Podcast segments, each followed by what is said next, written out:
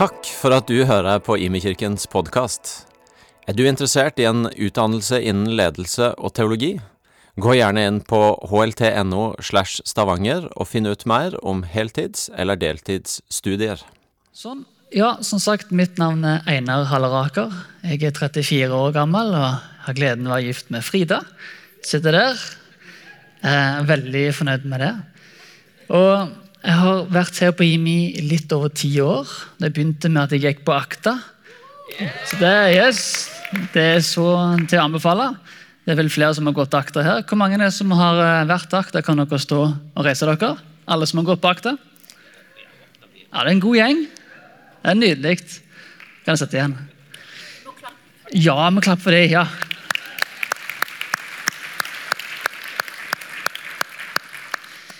Så det er noe med de begynnelsene på noe nytt. Som nevnt, jeg er teolog, har en master i teologi. Eh, jeg pleier også tulle med at jeg har en master i bibelskole. For jeg har tatt to år på akta, når det tidligere var to år. Med vårt kull var det siste. Vet ikke om det sier noe om oss. Men hadde òg et år på Ansgar bibelskole på musikklinja. Og et år i Bethel Church. Eh, Og et år som ettåring Misjonskirka i Stavanger. Så fem år, litt sånn uoffisiell master i dette. Jeg har ikke fått et diploma, så jeg ennå etterspør etter. Men eh, det er fint å ha med seg. Eh, Litt sånn bakgrunn til hvorfor vi snakker om bærekraftig kristenliv, handler om at jeg har en veldig passion for dette her med utbrenthet og forebygge det, og hvile og disippelskap. Jeg skrev bacheloren min med tittelen 'Hvordan forebygger vi utbrenthet i Den norske kirke?' For det er et ganske stort problem, og det er generelt et stort problem i Kirke-Norge. Og Masteroppgaven handler om hvordan ser det ut å være disippel i en moderne tid. Så Der har du litt konteksten av hvem jeg er og hvor jeg kommer fra. Akkurat nå så jobber jeg i Hafrsfjord menighet som kateket og er vikar der. Og Det er spennende å skal få jobbe med konfirmanter i år. Så. Eh, teksten vi begynner på i dag, er Matteus 11, 28. Jeg skal lese. Kom til meg, alle dere som strever og bærer tunge byrder, og jeg vil gi dere hvile. Dette verset ble for meg utrolig viktig, eh, og enda mer viktig etter 2017.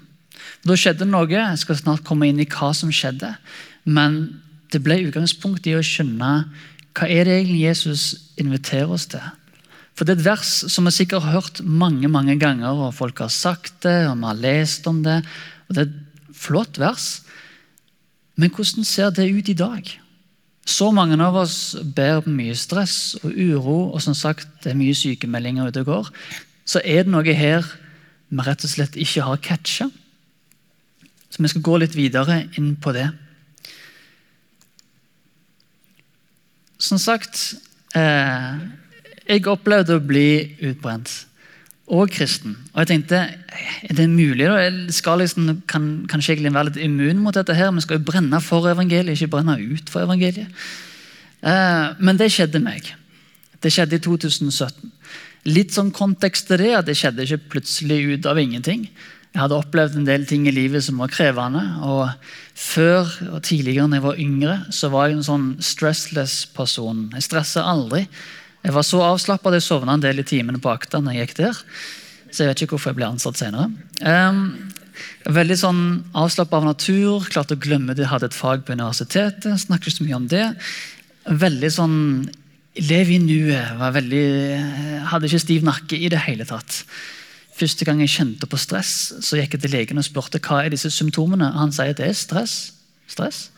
Så jeg var i 20-årene. så det, det her var nytt for meg, men så plutselig kjente jeg på alt mulig på en gang.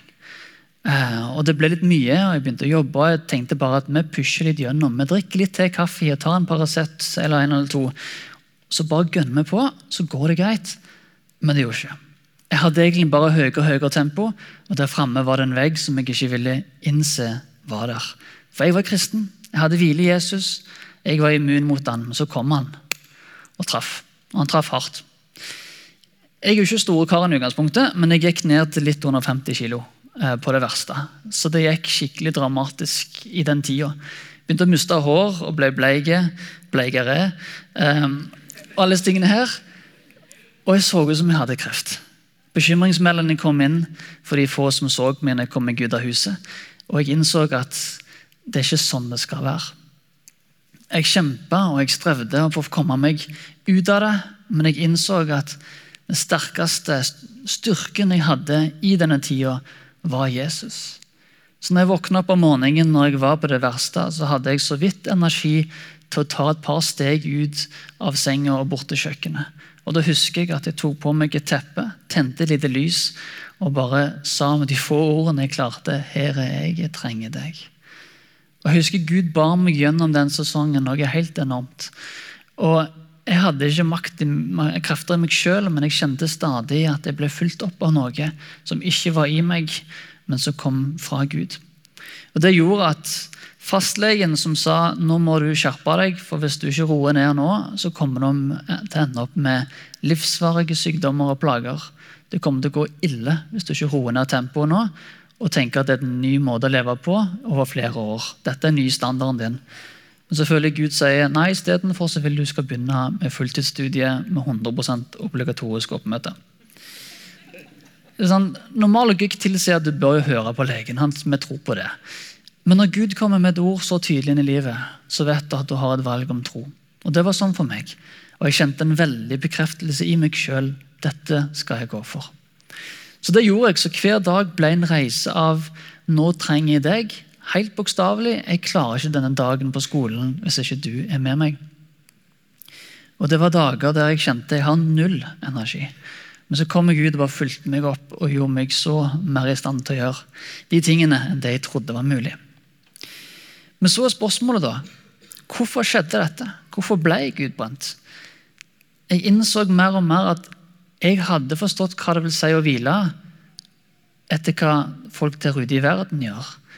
Jeg var god på å bruke tid alene, se på filmer og serier. og sånne ting, og Det kan være avslappende i seg sjøl, men det er ikke den hvilen Jesus snakker om. Det er noe mer, og det hadde jeg ikke catcha.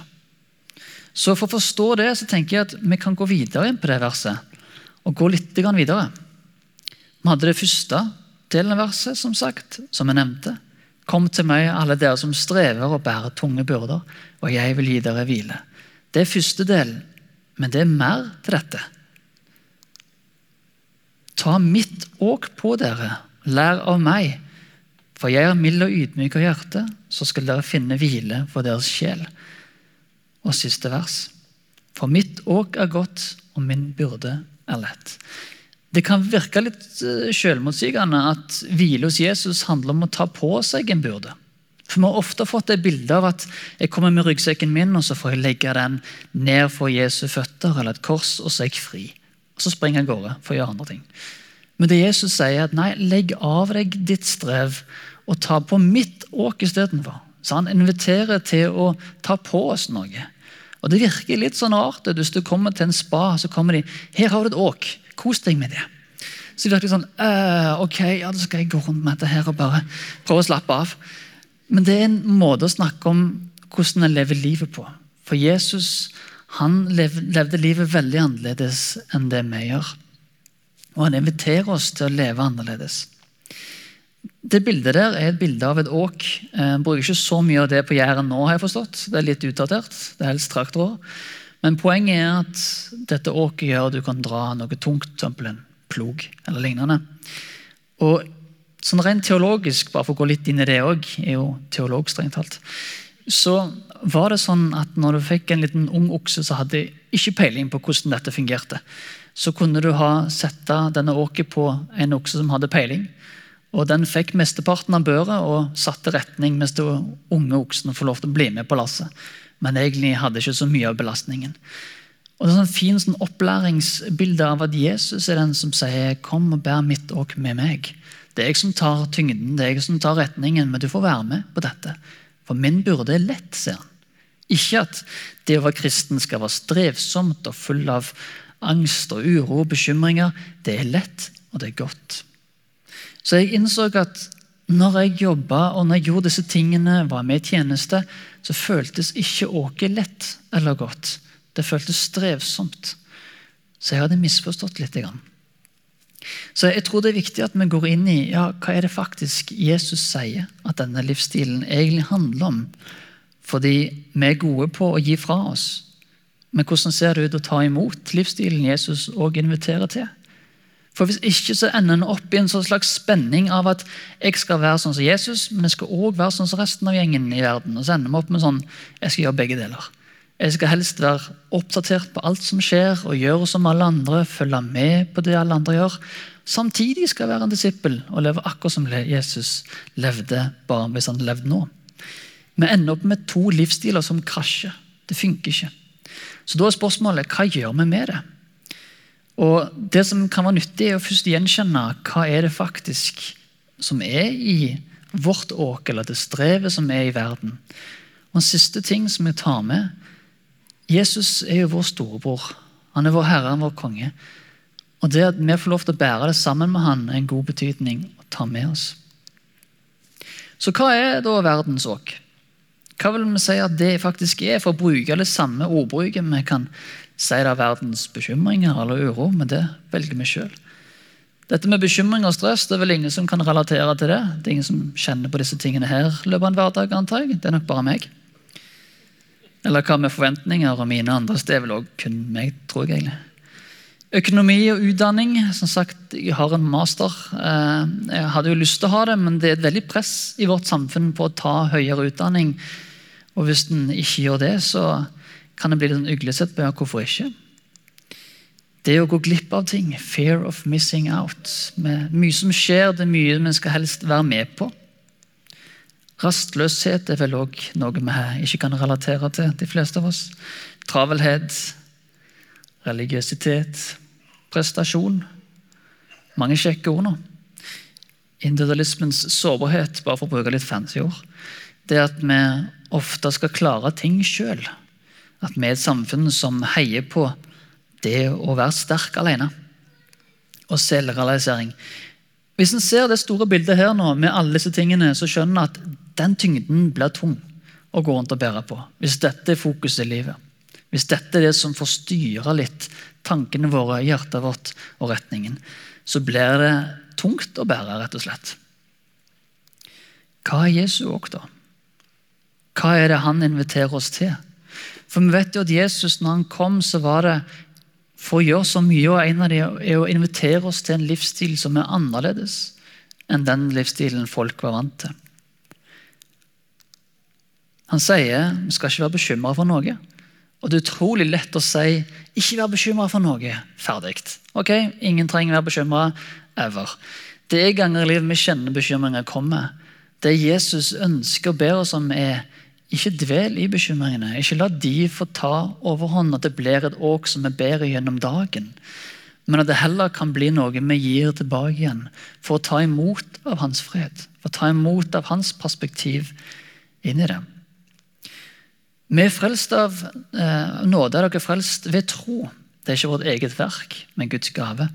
Det er også en fin ting å tenke og minne oss på at vi skal slippe å prestere oss fram til å bli frelst. Vi skal få ta imot og vite at det er Han som har gjort det.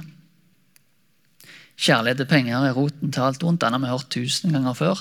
Men er jo god å ha med seg likevel. Det er viktige ting. For det er veldig fort at pengene og det å få kjøpe nye ting kan bidrar til at vi stresser litt unødvendig. Og du trenger ikke eie alt mulig for å være lykkelig. Jeg vet ikke om dere har fulgt med på TV med disse her ryddeprogrammene. Vi så her en episode her om dagen der det handler om å kaste alt mulig for å bli lykkeligere. For Da er det mindre rot. Jeg synes Det er litt sånn interessant, men jeg blir litt gira sjøl og har lyst til å rydde. En innser at Hvis en har altfor mange ting som ikke har noe nytteverdi, som bare er i veien, så er det veldig lett at tingene eier oss, istedenfor at vi eier ting som er nyttige. Vi er elska før vi ble frelst. Utgangspunktet er at vi er elska. Det er en veldig flott start å, å begynne på. Og vi tilhører Gud og er hans barn. Dette åket her selvfølgelig, det er så mange andre ting til det. Men du skjønner at hvis en begynner å leve ut disse tingene og setter det som verdier i hjertet, så vil en mer og mer innse at rastløshet nei, En trenger jo egentlig ikke å si at det skal være normalt. Travelhet, ja, men hvorfor det? Hvis vi er sendt og elska av Gud til denne verden, hvorfor trenger vi egentlig å være travle da? Når Jesus gikk fra A til B, så virker det som han hadde all verdens tid, selv om han hadde tre år på jord i tjeneste. Når han begynte å være ferdig, så tok han seg likevel god tid til ting. Så jeg tror vi bør la oss bli utfordra av Jesu livsstil, hans valg og hans ord på å leve et annerledes liv. Men det er ikke lett. Jeg likte dette bildet. Det viser på en måte litt det jeg prøver å beskrive, at denne livsstilen av å være en disippel handler om egentlig hele livet og hvordan vi følger etter. Det er ikke noe vi gjør kun på jobb, men det gjør noe hele livet. Det er en måte vi lever hverdagen på. Og så ønsker jeg å snakke om en, en telefonsamtale som jeg har hørt om i flere bøker. og Det er mellom to personer. Dallas Willard og John Northberg. Litt for kontekst. Eh, Dallas Willard har vært mentor for mange kristne ledere. Og John Northberg har vært en av de som har blitt fulgt opp av han. Han har skrevet flere bøker som 'Kristus lengsel' og en rekke andre bøker som er oversatt til norsk. Her var at eh, John Oppberg han var litt stressa og skjønte at hans disippelliv hadde stoppa opp. Hadde stagnert. Han følte ikke at han vokste lenger i livet og skjønte ingenting. Hvorfor, hvorfor vokser jeg ikke lenger? Da ringte han Dallas Willard og spurte på telefonen hva skal jeg gjøre. Eh, Dallas, jeg skjønner ingenting. Jeg vokser ikke. Det stopper helt opp. Og Da ble Willard stille stille lenge. For sånn var han tydeligvis. Han tok seg tid til å svare. Han hadde ikke hastverk. Så kom svaret. Hurry is the great enemy of spiritual life in our day. You must ruthlessly eliminate hurry from your life. På godt norsk så er det travelhet er den store fienden for åndelig liv i, vår, i vår dag. Du må rive den ut, for å si det godt mildt, denne travelheten av ditt liv.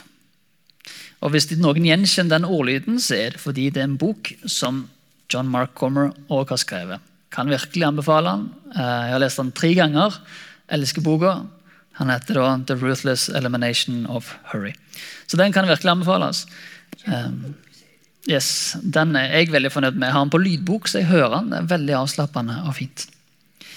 Og så da tenker jo da Ortberg great. Så Fantastisk. Hva annet? Han er klar med lista. Han er klar til å skrive ned ti tips og ti råd til hvordan skal jeg forbedre min disippelvandring med Herren. Det er ingenting annet, sier Willard. Det er denne ene tingen.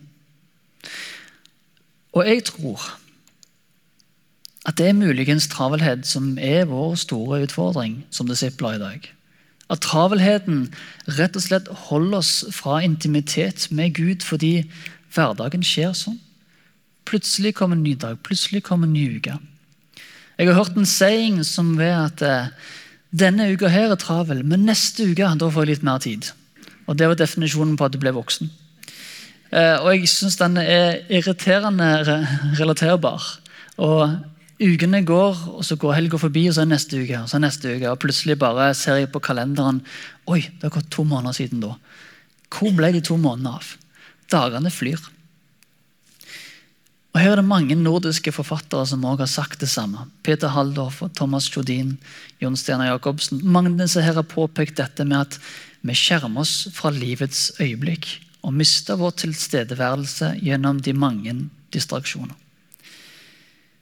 Jeg så eh, ute nylig en eh, relativt ung far som gikk med sin sønn tror jeg det var, i, i barnevogna, og så holdt han mobilen her. Og Kiden prøvde liksom å se på pappa, men Fikk ikke blikkontakt fordi pappa var der. Jeg har sett det mange ganger siden, og det gjør meg like vondt hver gang jeg ser det. Fordi et barn trenger å se sin far og far sin sønn. Men hvor ofte er vi ikke med litt sånn med Gud?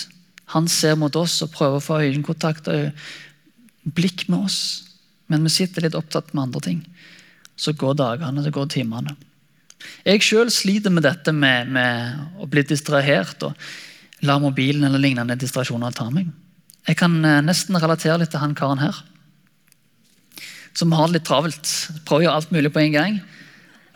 Dagene går, kaffen eh, går innpå, og alt mulig skal få oppmerksomheten. Det er på en måte litt sånn skremmende relevant eh, og relaterbart. For jeg merker ofte at en skal helst gjøre fem ting på en gang. og en skal få gjort helst ting i går. Vi lever i en tid der det er mye som forventes av oss. Det som ble litt sånn øyeåpner for meg, for jeg liker litt sånne fakta. Jeg liker at vi setter oss litt inn i ja, men hva er, hva er sant, ikke bare blir masse synsing. Men hva er det faktaene der ute? Og Faktaene peker på at vi lever med langt mer stress nå enn før. Norge har faktisk verdens høyeste sykefravær. Det er ganske drøyt når du tenker på det. DNK-ansatte opplever 17% utbrenthet blant de som er ansatte der. Og de fryktes å være tall i frikirkene. Og det er en ganske ny rapport som ble utgitt. Norge på andreplass i kaffeforbruk. Kan ha noen sammenheng? jeg vet ikke, Kanskje, muligens. Og vårt Paracet-forbruk går stadig opp. Før jeg ble utbrent, så drakk jeg bare mer og mer og mer kaffe. Og Ingenting galt med kaffe. Jeg har kaffetermos rett der. Jeg elsker det. jeg synes det er nydelig. Men jeg har opplevd at hvis du kommer til en viss mengde, så vil resten begynne å dekke over de behovene en faktisk trenger å gjenkjenne at en har. Se at en sover for lite over lang tid, men en drikker så mye kaffe at det legger en egentlig ikke merke til før det går lang nok tid. Eller at du egentlig er ganske stressa på jobb, men kaffen gjør at du egentlig ikke merker stress, men det er der fremdeles. og dere Kaffen er en fantastisk kompis, men en forferdelig slavemester. Litt sånn pes for mobilen. Jeg, igjen, jeg elsker mobilen min. Jeg elsker TFT, tøft ord, men jeg bruker den mye. Det er et fantastisk verktøy. Men vi bør være litt klar over hva utfordringer som kan møte oss. 50 av nordmenn bruker mobilen mer enn seks timer hver dag. I gjennomsnitt plukker man opp 150 ganger i døgnet. Tenk på det. Det er ganske mye, det. Og En av fire bruker mobilen under bilkjøring. Og Det gjør at flere tusen i USA dør hvert år i trafikken eller blir påkjørt pga. mobilbruk. Dette er et eksempel av mange. Og som sagt, Jeg er veldig glad i mobilen min. Jeg sier ikke vi alle skal legge vekk mobilen og bare finne Nokiaene gamle som bare kan ringe og sende SMS på og spille Snake. Men poenget er at vi må være klar over at vi lever i en verden der dette er faktaene. Og det er ikke egentlig så annerledes i kirka. Jeg, eh, jeg synes det er litt morsomt. Jeg hørte her på team at det ble sagt at der, fire, eh, der to eller tre er samlet i Guds navn, ringer det en telefon. Og jeg, den, jeg, jeg, lurer på om det er fra Øystein jeg hørte den. Um, jeg syns den er gøy, og den, det, det, stemmer der. Også. Det er veldig sjelden at jeg i et møte eller noe lignende ikke hører en slags pip eller dirring en plass. Det er mye i vårt liv som roper etter oppmerksomhet. Men Gud er jo ofte å finne den stille stemmen. Det er nesten som du kan høre han si Hører du meg, min sønn, min datter? Kom til meg, for jeg ønsker så inderlig å gi deg av min hvile. Det er muligens den utfordringen vi har, det er å være stille lenge nok. Det merker iallfall jeg at skal jeg sette meg ned for å be eller være stille, så går det ett minutt, og så er det Skulle vi ha laks eller kjøttkaker i dag? Hva vi skulle i morgen igjen? Jeg fikk en mail, i stemmer. Og så og så går det unna. Altså, intensjonen er jo god, jeg ønsker jo dette. Men jeg lever i en kultur der det vår si, oppmerksomhetstid er litt kort. Han karen her, som de fleste teologer er veldig glad i, og resten har kanskje hørt om, er kirkefaren Augustin. Han har sagt du har skapt oss til deg, Gud, og vårt hjerte er urolig inntil det finner hvile hos deg. Og her ligger nøkkelen til det hele. Vi er skapt av Gud til Gud. I vårt skaper-DNA så ligger det en lengsel etter å få en hvile som kun han kan gi. Og Der har du litt av det som jeg gjorde, at jeg søkte hvile i data og filmer og serier. Og jeg syns fremdeles det er gøy å gjøre ennå. Men jeg trenger å finne min hvile i Han. Spesielt når jeg har sagt at jeg ønsker å være ditt barn, jeg ønsker å være din disippel, så trenger jeg å komme til Han for å ta imot av den hvilen. Jeg trenger å være der lenge nok for hvor mange plasser i Bibelen finner vi vel ikke 'Kom til meg, vær stille'? Litt som dette i 2. Mosebok 14, 14.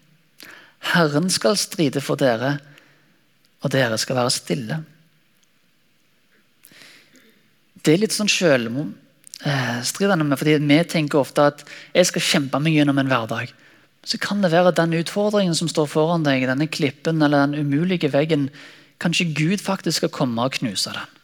Og din jobb er å være stille. og få ta imot av Han. Kanskje til og med du kommer til å bare sitte der, og så plutselig får du en mail der det står ja, men det ordna seg. Det var noen andre som gjorde det. Ja, men jeg var jo forberedt til en kamp. Og Gud bare nei, jeg har en bedre løsning. Vi må ikke ta alle kampene våre sjøl. Noen ganger er det faktisk Gud har en mye bedre plan enn den vi kommer på. Eugene Peterson, som forfatter bak The Message-oversettelsen, han beskriver i boka si eh, Lang lydighet om at vi befinner oss i en øyeblikkskultur. Han kalte oss for mikrobølgeovnkristne. Det vil si at Vi har ca. fem minutter før det sier pling, og så gjør vi noe annet. Og Jeg gjenkjenner litt den samme at jeg har oppmerksomhet, men kun for en liten tid. Og så pling, skjer det noe nytt. Da er hjernen klar for noe, noe mer. Så vi må trene oss litt i det å tåle å bli litt rastløs. Som på godt gjær skal få litt makk i ræva. Det er lov, bare det, det er lov til å bare sitte og bare kjenne utålmodigheten, men likevel føle litt på han. er bare greit, Nå kjenner jeg meg rastløs. Det er helt greit. Og det å venne seg til den og komme forbi den, og så Nå slapper jeg av. Der.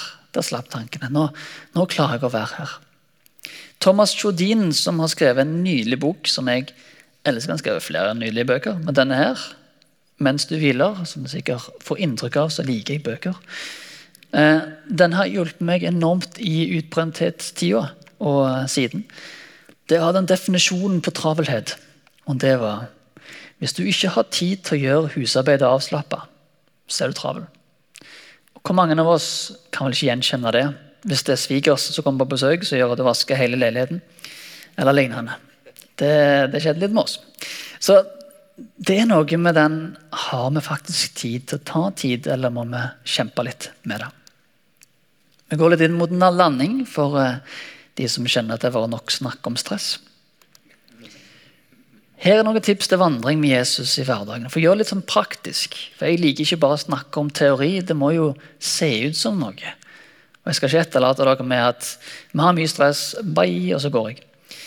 Vi snakker litt om dette Jesu åk, hvordan vi kan eh, bedre ta det på i hverdagen. Kom til meg.